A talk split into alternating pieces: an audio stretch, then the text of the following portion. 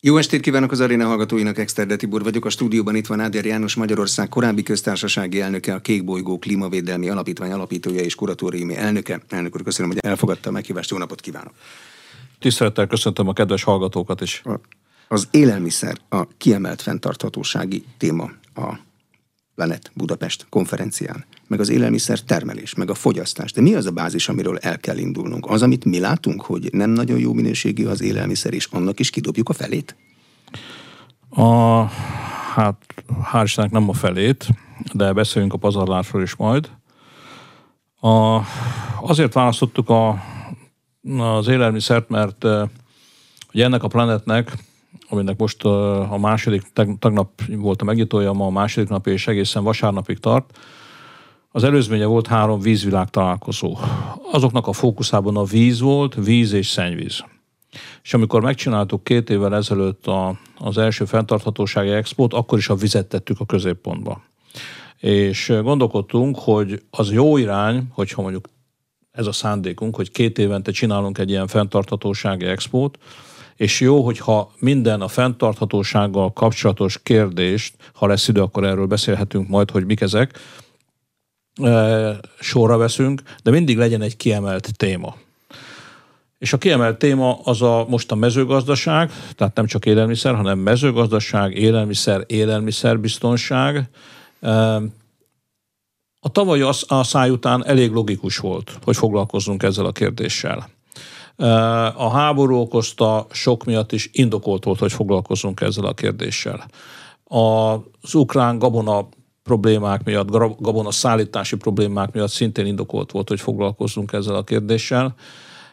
És ugye ez összefügg egyébként, az orosz-ukrán háború összefügg Afrika segélyezésével. Talán kevesen tudják a kedves hallgatók közül, de az Afrikába szállított gabona szállítmányok, ezek a segélyszállítmányok, ENSZ segélyszállítmányok 80%-a az Oroszországból és Ukrajnából, tehát a két hadban álló országból származik.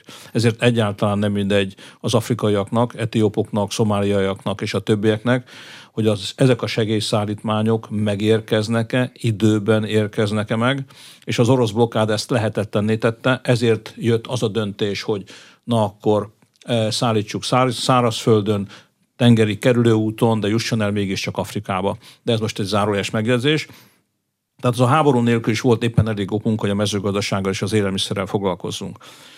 A, mi az, ami indokoltá teszi, hogy ez, ez a kérdés napirenden legyen? A talajnak a minősége a talaj minőségének a romlása, amit degradációnak hívunk. Ez Magyarországon is komoly probléma. Baleseteket csinál, emberek tucatjai halnak meg, amikor az út egyik végéből az kiszáradt talajt átfújja a másikba. Így van, ezt, ezt láthattuk ennek a nagyon drámai súlyos következményét. Óriási szerencse volt, hogy csak egy embert, az időzőjelbe teszem csak a csakot, hogy egy ember halt meg, és nem egy tömegkatasztrófa lett ebből. Láttuk a képeket, egészen katasztrofális volt. Igen, ennek mi volt az előzménye? Nagy, nagy szárazság volt, a nagy szárazság után jött egy óriási szél, a szél fölkavarta a termőtalajnak a felső rétegét, egy porvihar keretezett, nem volt elegendő az a mezővédő erdősáv, nem volt elég széles, ami ezt a port megfoghatta volna, a por az autópályára került, lerövidült, lerövidült a látótávolság, és történt egy tömegkarambol. Hál' Istennek nem tömegszerencsétlenség. Tehát talajminőség romlása. És ez nem csak ezt jelenti, hogy degradálódik a talaj, a szél és a víz erodálja a talajt, hanem a talajnak a minősége, az értéke is romlik. A, ha úgy tetszik, a beltartalma, a biológiai értéke is romlik. A szerves anyag tartalma a talajnak egyre kevesebb. Ennek sok oka van, nem biztos, hogy a műsorban lesz elég időnk arra, hogy ezt végigvegyük de ennek következtében a mennyisége a megtermelt élelmiszernek, és nem utolsó sorban minket mind a kettő érint, mint fogyasztókat, a minősége is romlik. A következő kérdés, hogy az az élelmiszer, ami az asztalunkra kerül, az megfelelő minőségű-e? Kellően ellenőrizték-e. Nem csak a Magyarországon megtermeltet, ezekkel nincsen különösebb baj, hanem az ide importáltakat, különösen a fejlődő világ országaiból ide importáltakat. Van-e bennük szermaradvány? Ha igen, akkor az milyen mértékű? Az meghaladja az egészségügyi határértéket. Kellően védekezünk-e ez ellen? A harmadik, hogy Magyarországon egyre nagyobb az igény arra, hogy ezt így hívják most, hogy organikus körülmények között, tehát lényegében természeti, a természet által biztosított a Kárpát-medence klímája, földrajzi, talaj adottságai által biztosított körülmények között termeljünk meg élelmiszert. És akkor az a kérdés, hogy hogyan lehet ezt megtenni. Hogyan lehet ez versenyképes a nagyüzemi gazdasággal? Hogyan tudja kiegészíteni jól az étrendünket? És akkor jön a negyedik kérdés, amit föltett, a pazarlás. Magyarországon két millió tonna élelmiszert dobunk a kukába évente. Riasztóan nagy szám. És ez nem csak azért probléma, mert minden családnak ez veszteséget okoz, mert pénzt dobunk ki ezzel, de probléma azért is, mert ez, ennek az élelmiszernek a nagy része lerakóba kerül, ott a lerakóba elkezd lebomlani, rothadni, a rothadás következtében pedig üvegházhatású gáz keletkezik, illetőleg a csurgarékvíz révén még a talajvizet is elszennyezzük. Tehát mit kezdjünk a kidobott élelmiszerrel? Mi legyen vele? És erre is van megoldás természetesen. Itt most bemutatunk, és akkor kanyarodjunk itt az expóra, olyan megoldásokat mutatnak be ott részben startupok, részben már egyébként komoly múltra visszatekintő nagyobb cégek. Mondok néhány példát, jó, hogy ne lógjon a dolog ennyire levegőbe. A, hogy hogyan lehet egy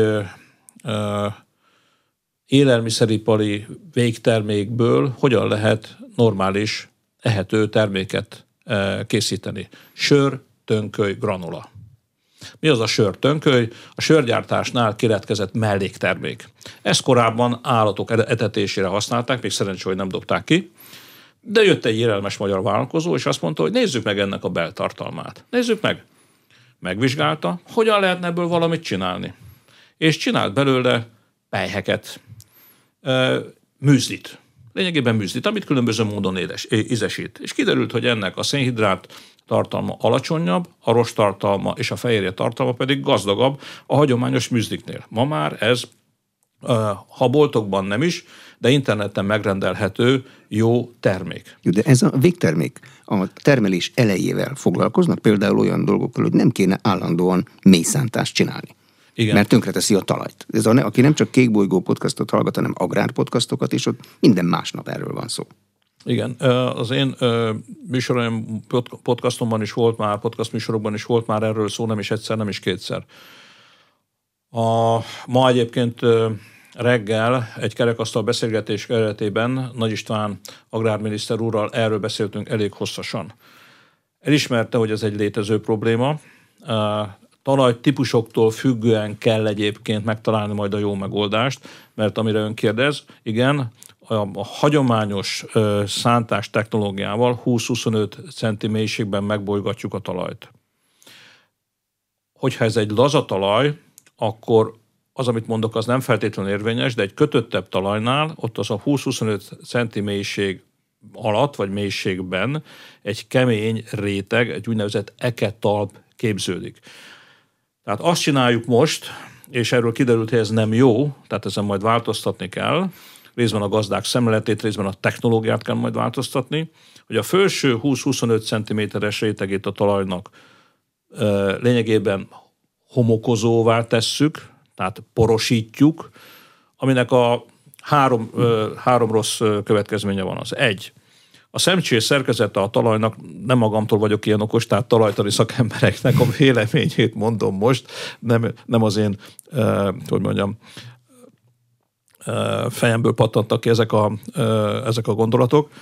A, tehát a talajnak a hagyományos szemcsés szerkezetét ezzel a művelési móddal elveszíti. Ennek két rossz következménye van. Az oxigén megtartó és a víz megtartó képessége romlik a talajnak.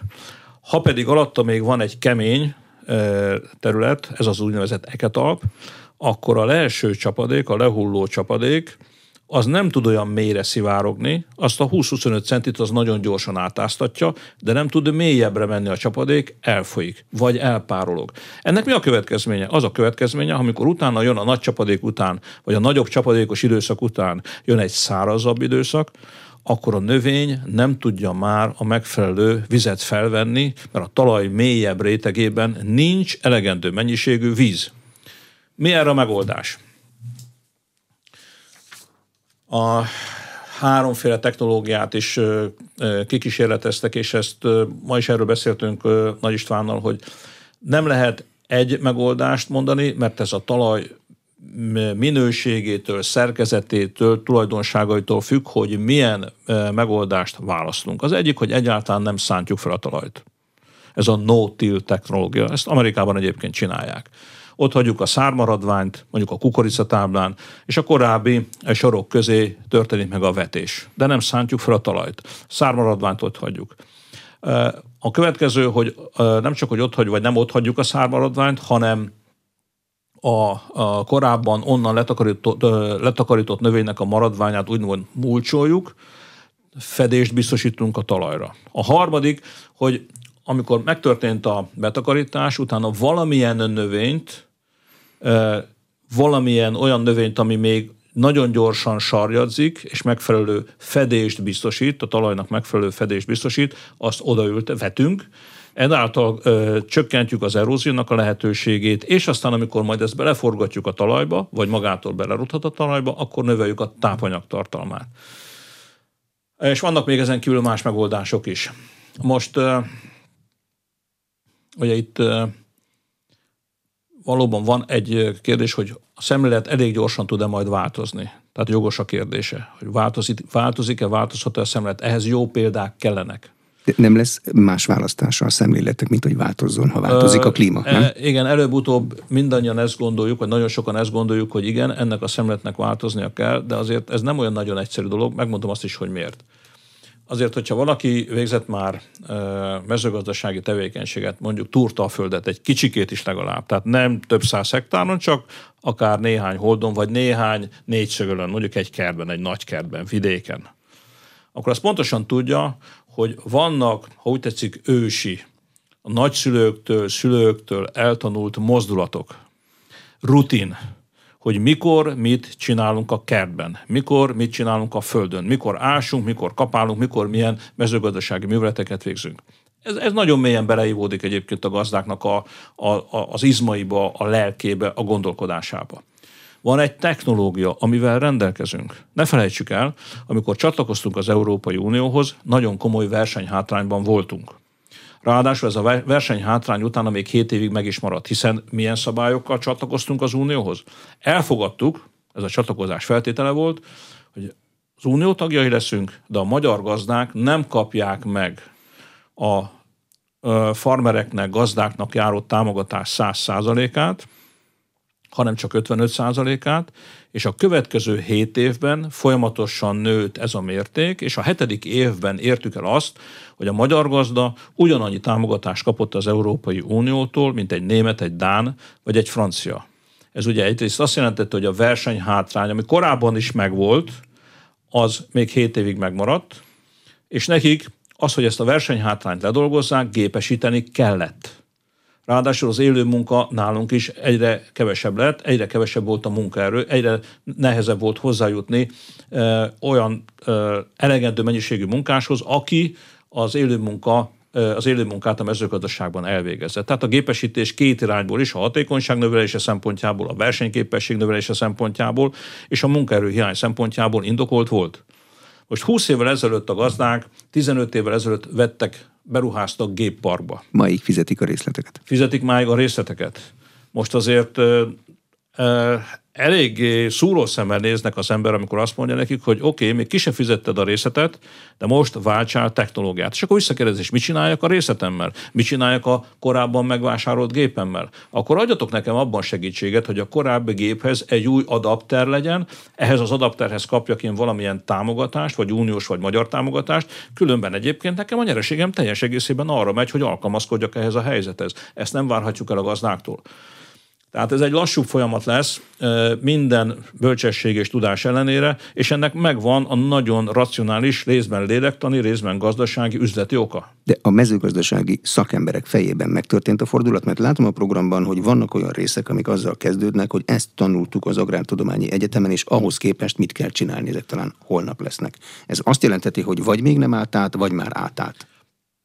Én akikkel beszélek, és ez nyilván nem a teljes ö, még, még csak azt sem mondanám, hogy nem most egy teljes köre, még csak azt sem mondanám, hogy, hogy reprezentálná a magyar agráriumot. De azért nagyon sok barátom van, aki agrármérnök, nagyon sok emberrel találkoztam az elmúlt években, jártam jó néhány olyan fórumon, ahol agrártermékeknek a bemutatója volt.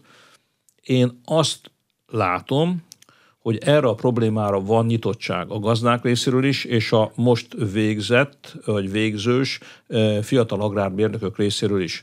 Mert kimennek a területre, és megnéznek egy földszelvényt, és oda megy egy talajtanos agrármérnök, és azt mondja, hogy ez a földszelvény, kedves barátaim, nektek azt mutatja. Most már csak ennyi a humusz. Korábban 25 centi volt, most már csak 10. Az elmúlt években 15 centit elvitt a szél, elvitt, az, ez, elvitt a víz. Ha nem akarjátok egyébként a silány minőségű talajt fölforgatni, beleforgatni, fölkeverni a jó minőségű, még jó humuszos talajjal, akkor valamit csinálatok kell. És ezt meg fogják érteni, ezt a gazdák megértik. Van ezzel munka bőségesen, a tudományembereinek, egyetemi embereknek, agrárbérnököknek, fiatal agrárbérnököknek és a ma gyakorló gazdáknak, és nem mindegy egyébként, hogy az ország melyik részén gazdálkodnak, egészen más a helyzet Báskiskú megyében, a Viharsarokban, és egészen más a helyzet Győrsopron megyében, de hogy ez, ez a tudás, ez a következő években a részévé fog válni a gazdálkodóknak, abban én biztos vagyok hiszen nekik is alkalmazkodniuk kell, és ők tudnak alkalmazkodni. Csak nem várhatjuk el tőlük azt, hogy ez egyik percről a másikra legyen, és hogy a saját korábbi tapasztalataikkal, tapasztalataikkal egyrészt szöges ellentétesen, és a saját profit szempontjaikkal, üzleti érdekeikkel eh, ellentétesen történjen meg arra van-e módszer, vagy foglalkoznak -e azzal, hogy a termelési költségeket, a, amik nem ott keletkeznek, azokat kifizeti meg. Mondok egy példát. E, burványló, vízbe, végolmos szereléssel Márnára megyek, kifogom, látom, hogy e, vegyszermaradékkal szennyezett. Nekem okoz kárt. Kihez menjek? A Dunában vegyszer maradékkal szennyezett a hal. Hát, vagy bármelyik vízbe bármelyik vízbe. Ezt azért nem nagyon ö, osztom. Ha konkrét példa lenne, akkor azért érdemes lenne erről beszélni, mert nekem az a tudás... Műtrágya maradékkal például. Műtrágya, és ez hogy jelenik meg a halnál? De ez nem, konkrét példa? Nem, ez csak egy elképzelt példa. Okay. Nálam csak csinál azért, mert, kárt, mert, mert de én, nem én szennyeztem el a vizet. Mert, mert de én, én horgászom, tehát én még ilyennel nem találkoztam, ezért csodálkoztam egy kicsit. Másrészt én nekem az a tudás van a birtokomban, hogy persze vegyszer bemosódás, műtrágya bemosódás van Magyarországon már sokkal kisebb mértékű egyébként, mint korábban, de a magyarországi folyók, a Duna, a Tisza és a többi folyó is tisztában hagyja el Magyarországot, mint ahogy ide érkezett. Ez azért jó, hogyha tudjuk. A, a szennyvízkezelés következtében ma már tisztított szennyvíz kerül csak a folyókba. Ugye Budapesten azért ne feledjük, 20 évvel, 25 évvel ezelőtt egy millió köbméter tisztítatlan szennyvíz került a Dunába. Ma már ezt megtisztítjuk, tisztítva kerül vissza. A, a műtrágya bemosódás is sokkal kisebb mértékű, aminek nagyon egyszerű az oka, jóval drágább a műtrágya, mint korábban volt. Tehát a gazdák odafigyelnek, most már nem lehet azt mondani, ami korábban volt, hogy ó, hát kilószámra, mázsaszámra uh, használták fel a műtrágyát, mert igazából nem volt drága, ma már a műtrágya irgalmatlanul drága. Van, aki nem is tudja megengedni magának, hogy használja, inkább csökken a termés, mert azt mondja, hogy még mindig akkor pénzemnél vagyok, mint hogyha nagyon drága műtrágyát használnám. Tehát én ezt így, ezt a problémát, én ezt nem tapasztaltam, és még csak nem is hallottam róla. Tehát ez inkább egy ilyen elméleti felvetés volt. Nézzünk egy reálisabbat, ami, amivel esetleg már, amiben tényleg belebotlott, mert biztos, hogy van ilyen, ami, amit joggal vet, vethet fel. Minden termelési költség azt, azt fizeti, aki magát a termelést megcsinálta? externáliáknak szokták ezt tudományosan hívni. Nem, nem, nem, természetesen nem. Hát ez az egész, de amiről, jó, ez, ha így szól a kérdés, akkor erre az, az a válasz, hogy nem, sajnos nem de ez egy globális probléma. Ugye miről beszélünk? Tehát akkor ki kell, ki kell lépnünk Magyarországról, és azt kell mondanunk, hogy no, akkor hogyan számítjuk a GDP-t? Hogyan számítjuk a nemzeti jövedelmet? Hogyan számítjuk a gazdasági tevékenységet nem Magyarországon, hanem szerte a világon? És valóban abba a termelőnél az úgynevezett externália, azt fordítsuk le magyarra, a környezeti hatása, környezeti kára az adott tevékenységnek, ez lehet mezőgazdasági tevékenység, és lehet ipari tevékenység, az nem jelenik meg. Nagyon jó helyen kapizsgál, mert egy William Nordhaus nevű közgazdász, amikor sok-sok évvel ezelőtt megkapta a közgazdasági Nobel-díjat, a Nobel-díj átvételekor a következőket mondta. Ha a gazdasági tevékenységünkbe, és itt gondoltam mezőgazdaságra és az iparra is, ha a gazdasági tevékenységünkbe nem árazzuk be ezeket az externáliákat, ezeket a külső hatásokat, akkor azért később társadalmi szinten fogunk nagyon magas árat fizetni. Tehát a kérdés teljes egészében jogos, és egy Nobel-díjas közgazdász is vallja, és vannak követői bőven, hogy igenis ezeket az externáliákat számítani kell, számítani kell már akkor egyébként, amikor egy üzemnek kiadják a működési engedélyét, számítani kell akkor, amikor a termék megjelenik a piacon, és számítani kell akkor, amikor ennek a terméknek a visszagyűjtéséről vagy újrahasznosításáról a, a, a már elhasznált terméknek a kör, ha meg lesz a körforgásos gazdaság, a körforgásos gazdaság keretében a, a nyersanyagként való újrahasznosításáról van szó. Tehát a kérdés jogos. Bocsánat, de számítják az üzemnek ezt a költségét, amikor kiadják az engedélyt, amikor bizonyos típusú üzemekért nemzetek közötti verseny zajlik. Nem számítják, Tehát a világ, üz... nem, nem számítják, sehol a világon nem számítják. Tehát itt akik ezt az elvet vallják, és mondom, egyre többen vannak, hál' Istennek, Egyébként hozzáteszem, a Magyar Nemzeti Bankban külön egy kutatócsoport van, aki ezzel a kérdéssel foglalkozik, és ennek a módszertanát dolgozza ki. Nem is sikertelenek egyébként ebben, de addig, amíg ebben nincs áttörés, és nem fogadják el, és nem, nem használunk egy másik számítási módot, és ebben nagyon komoly érdekellentétek vannak, nem nálunk, szerte a világon, addig nagyon nehéz lesz erre a kérdésre ö, megnyugtató választ adni, és azt mondani, hogy igen, mostantól nem csak azt számítom, hogy mennyi az energia, mennyi a nyersanyag, mennyi a munkabér, és aztán ráteszem a kis hasznomat, meg mennyi az adó, hanem azt is számítom, hogy amikor ezt a termelést elkezdem, folytatom, amikor a termék megjelenik, és amikor a terméket majd utána, amikor már elhasználódott, ki kell vonni a forgalomból, annak mennyi a költsége. Azt kifizeti meg? De van értelme lokálisan bevezetni? Hát ahol bevezetik, onnan elmegy a termelés oda, ahol hát ez ezért, ezért kellene egy globális megoldás. Tehát ezt lokális megoldással nem lehet kezelni, ebbe teljes mértékben igaza van. Ez csak egy globális megoldással, egy globális egyezménnyel, egy új globális számítási móddal lehetne megoldani ezt a problémát. Ez így igaz. Foglalkoznak-e a Planet Budapesten a fogyasztók oldaláról a problémákkal, hogy van-e a fogyasztónak olyan második fontos érdeke az olcsó áron túl, ami a fejlődés irányába tudná lökni az élelmiszeripar folyamatait? Mondjuk a minőség? A, hát mondhatnám azt is, hogy akik ott kiállítanak most, azok csak ezzel foglalkoznak. Tehát ők ö, ö, pontosan ezt a szempontot ö, ö, tekintik elsődlegesnek. Mondok néhány példát.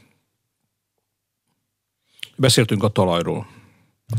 Van több olyan kiállító is, aki nem vegyszerek felhasználásával, nem kémiai úton, hanem természetes anyagokból állít elő olyan talajjavító, talaj, a talaj kondícióját, minőségét javító szert, amivel viszonylag rövid idő alatt, viszonylag rövid idő alatt a talajnak a termőképessége javítható vagy helyreállítható. Ja, fontos tudni, hogy egy centi humusz, azért az nem olyan nagyon sok, egy centi humusz képződéséhez, attól függ, hogy milyen égővön vagyunk, 300 kötőjel 500 évre van szükség. Most ezt a 300-500 évet alatt képződött, képződött 300-500 év alatt képződött egy centis humuszt, beszéltünk, hogy az első blogban arról viszonylag gyorsan el tudja fújni a szél. A maradék talaj meg nem biztos, hogy a jó minőségű, tehát van ilyen talaj. Élelmiszernek a minősége. Igen, a, vannak olyanok, akik olyan ezek megint nem kémiai úton előállított, hanem biológiai úton előállított uh, szerek, amik megfelelő tápanyagot biztosítanak a növényhez. Sőt, ma már a megfelelő technológiával, IT segítségével, tehát az intelligen, a mesterséges intelligencia segítségével meg tudják oldani azt, hogy pont akkor, pont olyan minőségű, pont olyan mennyiségű, pont olyan összetételű tápanyag kerüljön a növény gyökeréhez, amire neki szüksége van. Meg tudják ezt mondani? Meg tudják mérni egyébként mondjuk a paradicsomnak, most délután éppen ilyet láttam, a paradicsomat, hogy hogyan növekszik. És azt mondják, hogy ez a növekedés nem felel meg a várakozásoknak, be kell avatkozni, több tápanyagra van, vagy több vízre van szükség. Nehezen gondolnánk ezt el, igaz? Hogy szinte igen, de most akkor el fogunk jutni végül a, a talaj nélküli termelés problémájához is, hogy csak de, tápoldatokból növény nem, nem, nem, most idáig, idáig most nem akarok elmenni, mert az biztos, hogy ö, ö, kiegészítő megoldásnak jó, de tartós megoldásnak biztos, hogy nem lesz jó, tehát a talajt azért ilyen, ilyen mértékben nem fogjuk tudni nélkülözni, de kiegészítő megoldásnak ez az úgynevezett hidropóniás, amire utalt, ez a hidropóniás rendszer, ez természetesen majd jó lesz, de azért nem fogunk ott ö, tonna számra búzát, kukoricát, napraforgót termelni, de még zöldséget, meg gyümölcsöt sem. A, a következő, hogy amit ma hulladéknak tekintünk, értéktelen élelmiszeripari mellékterméknek tekintünk. Abból lehet-e értékes anyagot készíteni? Erre mondtam egy példát az előző blogban, de tudok más példát is mondani. Az, amit láttam ilyet is egyébként a következő, hogy ami egyébként egy ősi tudásnak a felelevenítése, hogy a gyümölcsöt aszaljuk. És ezt az aszal gyümölcsöt értékesítjük, eltesszük. Nem várjuk meg, amíg egyébként tönkre megy, hanem vagy lekvárt főzünk belőle, esetek pálinkát, vagy aszalgyümölcsöt készítünk belőle. Láttam rá nagyon jó példákat. Ezeknek a termékeknek a nagy része egyébként már vagy boltokban, üzletláncokban kapható, vagy interneten megrendelhető. Tehát nem vágyálmokról beszélünk, hanem ott az expo területén megfogható, megnézhető, adott esetben megízlelhető, és a boltokban vagy az interneten megvásárolható termékekről beszélünk. De üzletet lehet belőle csinálni? Mert elképzelem, hogy nagyanyám idején tele volt hát, a tető aszalt szilvával. Tehát nem ettünk annyit, mint amennyi ott megaszalódott. Volt annak egy piac, de mindenki elkezdi csinálni, egy idő után nyakig leszünk aszalt szilvával. Hát azért annyi szilva nincsen, annyi szilva nincsen, annyi szilva fogja ez a veszély fenyeget. Pálinka menekülő út még mindig ott van. Így de... van. Ott a legvárott a pálinka, meg ott a külföldi értékesítés is, hogy ez a veszély nem fenyeget szerintem. Inkább, az, inkább abban az irányban megy a fejlesztés. Beszéltem egy ilyen fiatal emberrel is, aki azt mondja, hogy nem tudja megfizetni, mert nincs elég szedő. Tehát idény munkások sincsenek már, akik leszedik a gyümölcsöt. Tehát ő eleve úgy telepített, maradjunk a szilvánál, két hektár szilvát, hogy tudta, hogy gépesíteni fogja a szedést, lerázza a fáról a szilvát, ez mit jelent? Az a szilva nem lesz piacképes, tehát nem tudja elvinni másnap a nagybanira, nem tudja másnap, amíg kosarunk, nem tudjuk mi másnap a kosarunkba tenni, a bolt polcairól nem tudjuk levenni, mert az a szilva sérülni fog. Tehát mit tud belőle csinálni? Lekvárt, aszalgyümölcsöt, esetleg pálinkát. De ő eleve ebből akar üzletet csinálni, és ebből üzletet csinál. Tehát ezt nem e, szociális megfontolásból csinálják, akik ott vannak, Ebből mindből piacképes terméket csináltak és csinálnak, és ebből megélnek egy családi vállalkozás, egy kis vállalkozás, vagy van, ahol már egy nagyobb vállalkozás él meg ebből. Tehát ne, ne, ne gondoljuk azt, hogy ez egy ilyen habókos dolog, és nem lehet belőle megélni, de hogy nem. És ráadásul egyre nagyobb az igény rá. Tehát az emberek egyre tudatosabban, pláne, ahogy nőtt az elmúlt években az életszínvonal, és egyre többször beszéltünk erről a problémáról, biztos ebben a műsorban is már többször volt erről szó, az emberek egyre inkább fordulnak a felé, hogy mi a legfontosabb? A legfontosabb, hogy egészséges legyek, hogy egészséges maradjak.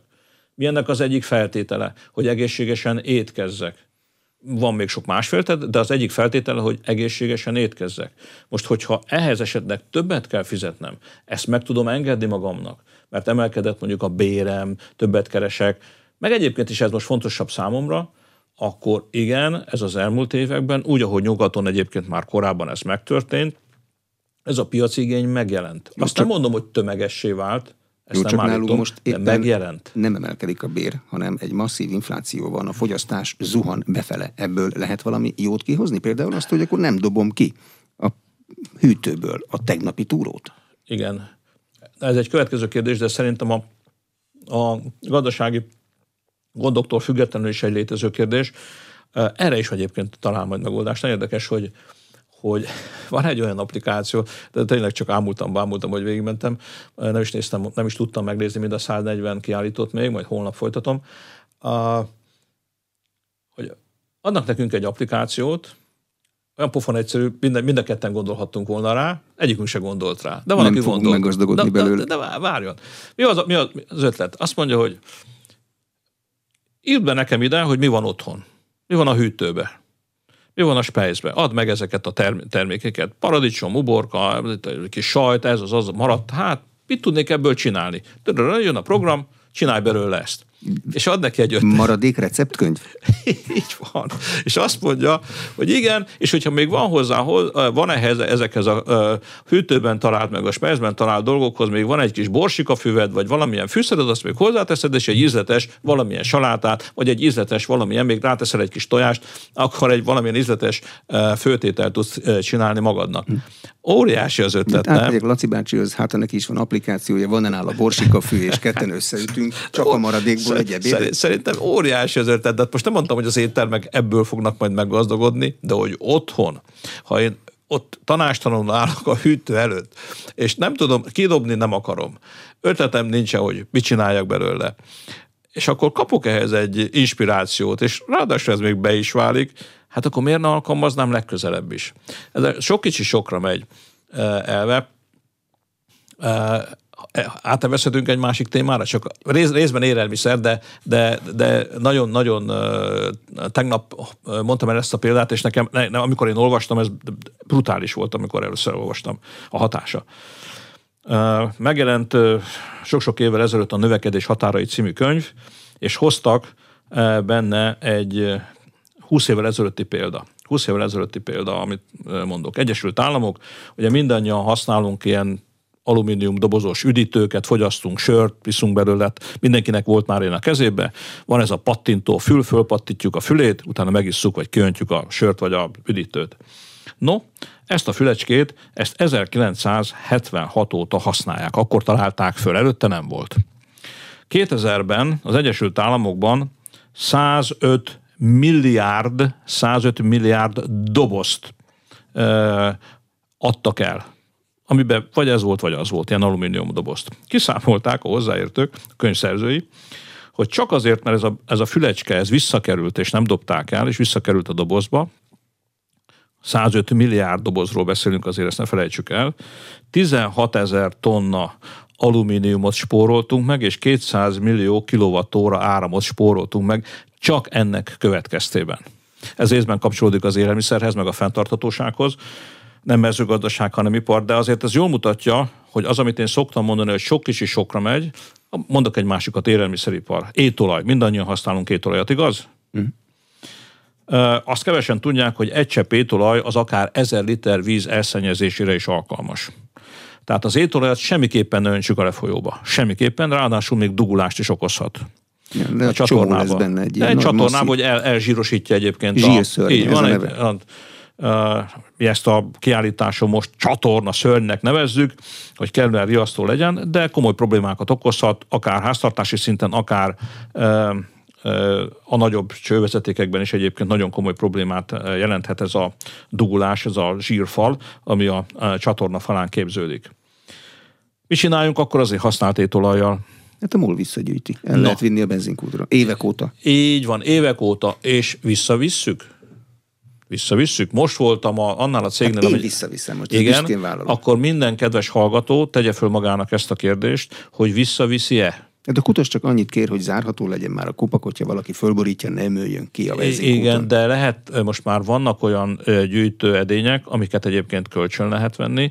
Van egy cég, a Biofilter, amelyik egyébként ezt visszavisz, visszaveszi, és elszállítja, és az nem egy olyan ördöngös dolog egyébként, hogy a korábban általunk megvásárolt és kiürült műanyag palackba visszaöntsük az étolajat, azt lezárjuk, és azt elvigyük a benzinkúthoz. Az a kérdés tehát, hogy mi ezt megtesszük-e? Hány százalékát visszük vissza ennek az étolajnak? Kilenc mondjuk. Maximum. Maximum. Mi lesz a másik 90 százalékkal? Szemetes Valahova, elő, megy. valahova, vagy elégetjük, vagy kiöntjük, vagy a földre öntjük, vagy a, vagy a csatornába öntjük, szennyezzük vele vagy a talajt, vagy a vizet, vagy a levegőt. Ha égetjük, akkor a levegőt, ha a földre öntjük, akkor a talajt, ha a csatornába vagy lefolyóba öntjük, akkor pedig a vizet. Vissza tudnánk vinni a molkúthoz. Nem olyan nagyon bonyolult dolog, hiszen tankolni azért, ha mondta, valószínűleg mindenki egyszer elmegy. Egyszer vagy kétszer egy hónapban megtelik ez a kis műanyag edényke. Kapható egyébként hozzá speciális gyűjtő edény is. És nekünk annyi dolgunk lenne, hogy összegyűjtjük, és egy adott pillanatban ezt elvisszük, a MOL ezt összegyűjti, elviszi egy komárom melletti üzen, üzemébe, ott földolgozza, és üz, ö, adalék, üzemanyag adalék lesz belőle. Nem lehet, hogyha a MOL adna 5 forintot minden egyért palackért, akkor már az 5 forintért megcsinálnánk. Ezt nem tudom, ezt még sose kérdeztem meg egyébként Hernádi Zsoltól, de a következő alkalommal majd, amikor találkozom vele, megkérdezem. Egy biztos, hogy a, lehet, hogy az ötlet egyébként jó, mert a január 1-től ugye lesz visszaváltás, üvegvisszaváltás, PET palack, ami sose volt, üvegvisszaváltás volt korábban is, PET palack nem volt még, PET palack visszaváltás és az előbb említett alumínium dobozoknak is a visszaváltása megtörténik ezért ezek betétdíjasok lesznek, tehát amikor először megveszünk őket januárban, akkor többet fogunk fizetni, és amikor visszavisszük, ezt a betétdíjat mindig visszakapjuk és levásárolhatjuk. Nem nagy talán, mert volt már ilyen Magyarországon Volt is. már ilyen Magyarországon, az idősebbek erre emlékeznek, a fiatalabbak nem, és hogyha az üveg vonatkozásában ez működött, és visszaemlékszünk rá mindannyian, működött, mert visszavittük a sörös üveget, minden hallgató ezt megerősíteti, aki ehhez a korosztályhoz tartozik, visszavittük a sörös üveget, a boros üveget, a pesgős üveget, nem dobtuk ki, nem az árakpartonra került, nem törtük össze, hanem nem a kukába dobtuk, nem a szemétlerakóba került, hanem visszakerült. És ezt vagy utána valamilyen módon vagy újra töltötték, vagy más módon újra hasznosították, és biztos, hogy jobban járunk, hogyha PET palackokkal is ezt tesszük, és az alumíniummal. Az alumíniumnak a 95, sőt, több mint 95 a biztos, hogy újra hasznosítható lesz és ráadásul van egy uniós előírás.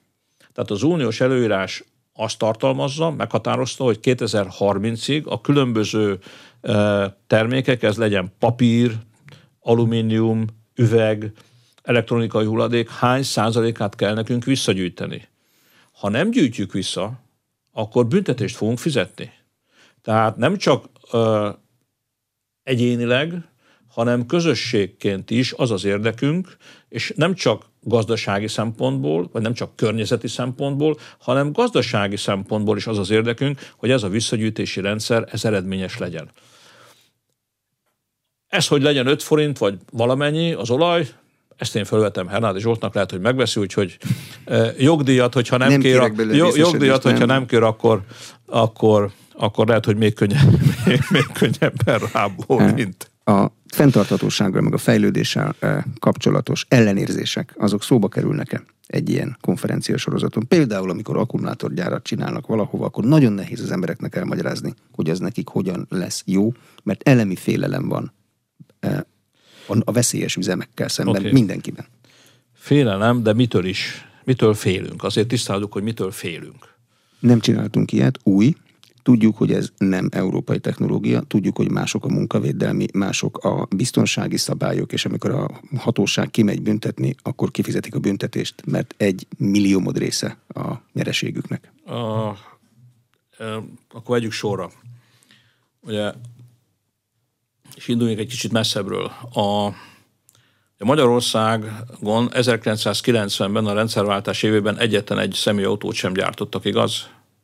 Azóta gyártanak itt Suzuki-t, Audit, Mercedes-t, B, és nem sokára jön a BMW. Opel volt az első Opel, talán. így van, Opel, bocsánat, azt kihagytam, és nem sokára jön a BMW. Ez az első állítás. Ez az autóipar fejlődött, fölfejlődött, ha jól emlékszem, talán 150 ezer embernek ad ma már munkát. Ez az első tétel.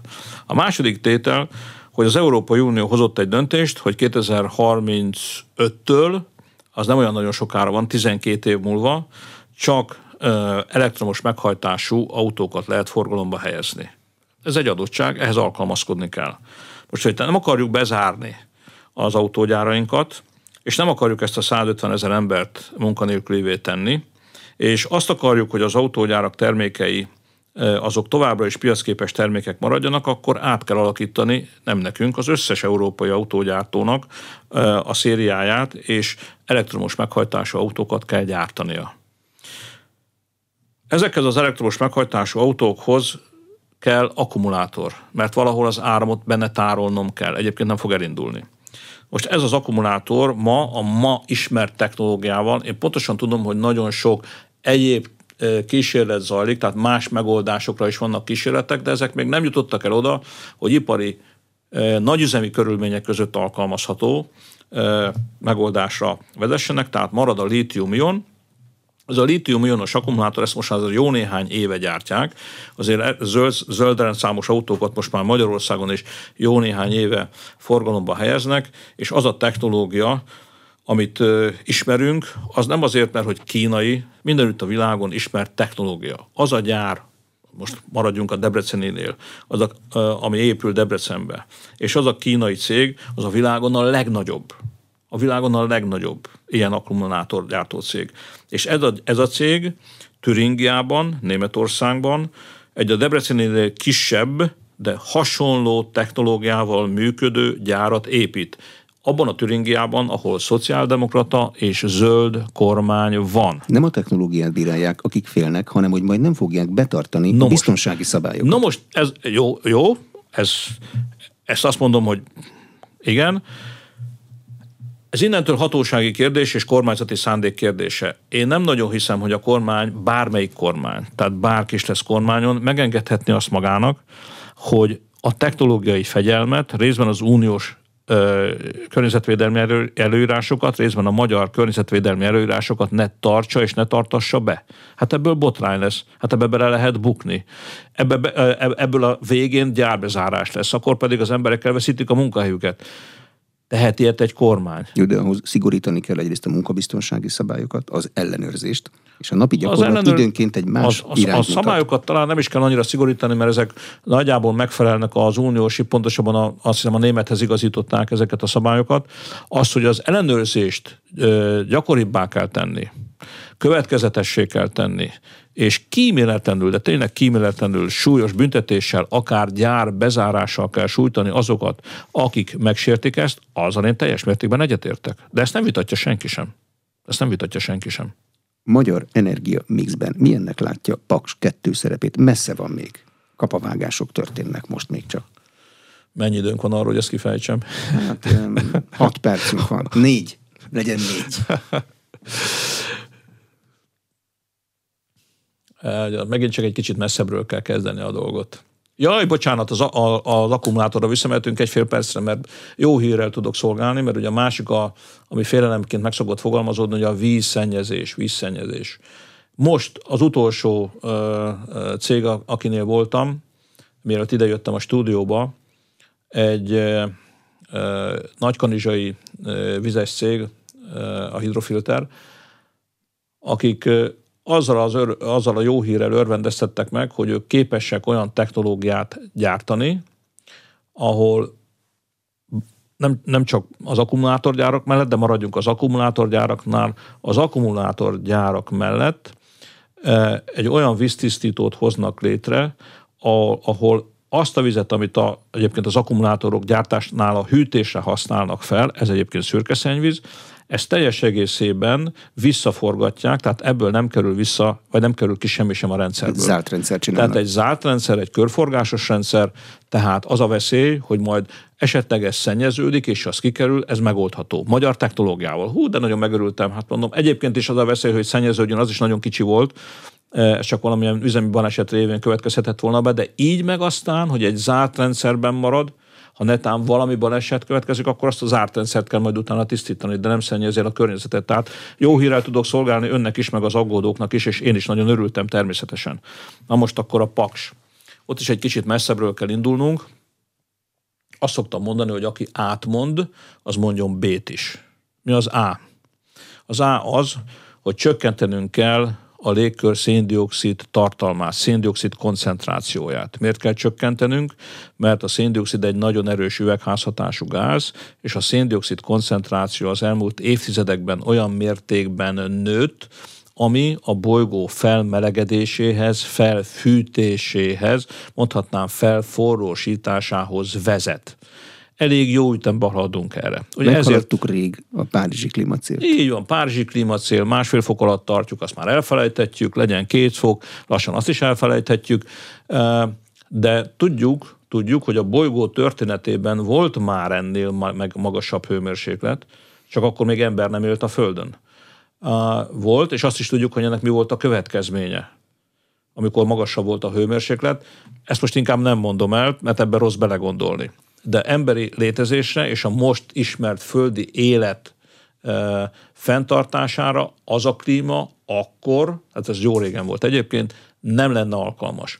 No, de nem akarunk ugye ide visszalépni, és nem akarjuk ezt a helyzetet előidézni. Tehát legalábbis csökkenteni akarjuk a légköri széndiokszid koncentrációt, vagy legalábbis a növekedésének a mértékét szeretnénk csökkenteni. Jó. Ezt hívják, hogy legyünk 2050-re klímasemlegesek, karbonsemlegesek. Ez azt jelenti, hogy csak annyi széndiokszidot fogunk kibocsátani, amennyit az elnyelők, erdők, óceánok, vizek megkötnek. De hát mind a mai napig az általunk felhasznált energiának 80%-a fosszilis. Szén, olaj és gáz.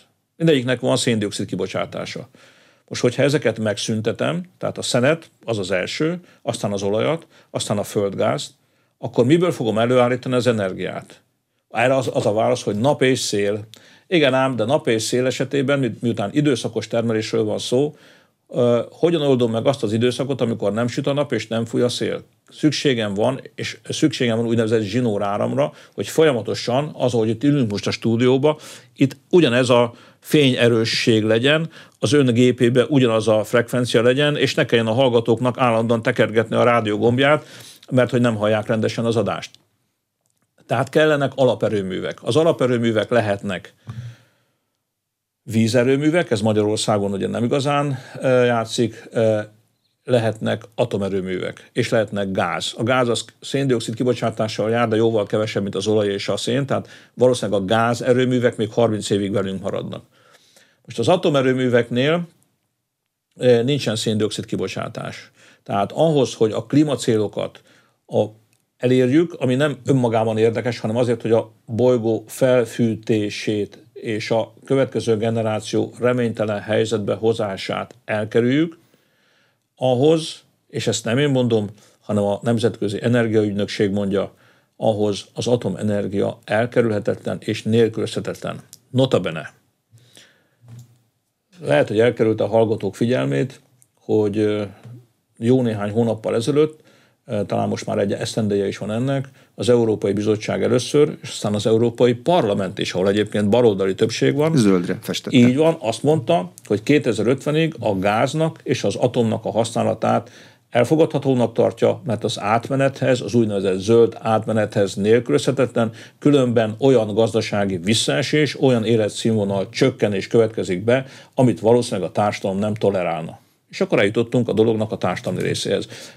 Tegyük hozzá, hogy akkor, amikor Franciaországban 20 eurócenttel nem többel, 20 eurócenttel akarta megemelni, még ugye ez az első makronciklusban volt, az üzemanyagok árát a Macron kormány, hogy egyfajta környezetvédelmi termékdíjat tegyen rá az üzemanyagra, akkor kezdődtek a sárga belényes tüntetések, és elég sokáig tartottak, és elég nagy ribillió lett belőle. Önök azt megfontolja, hogy visszatér még a politikába valamikor?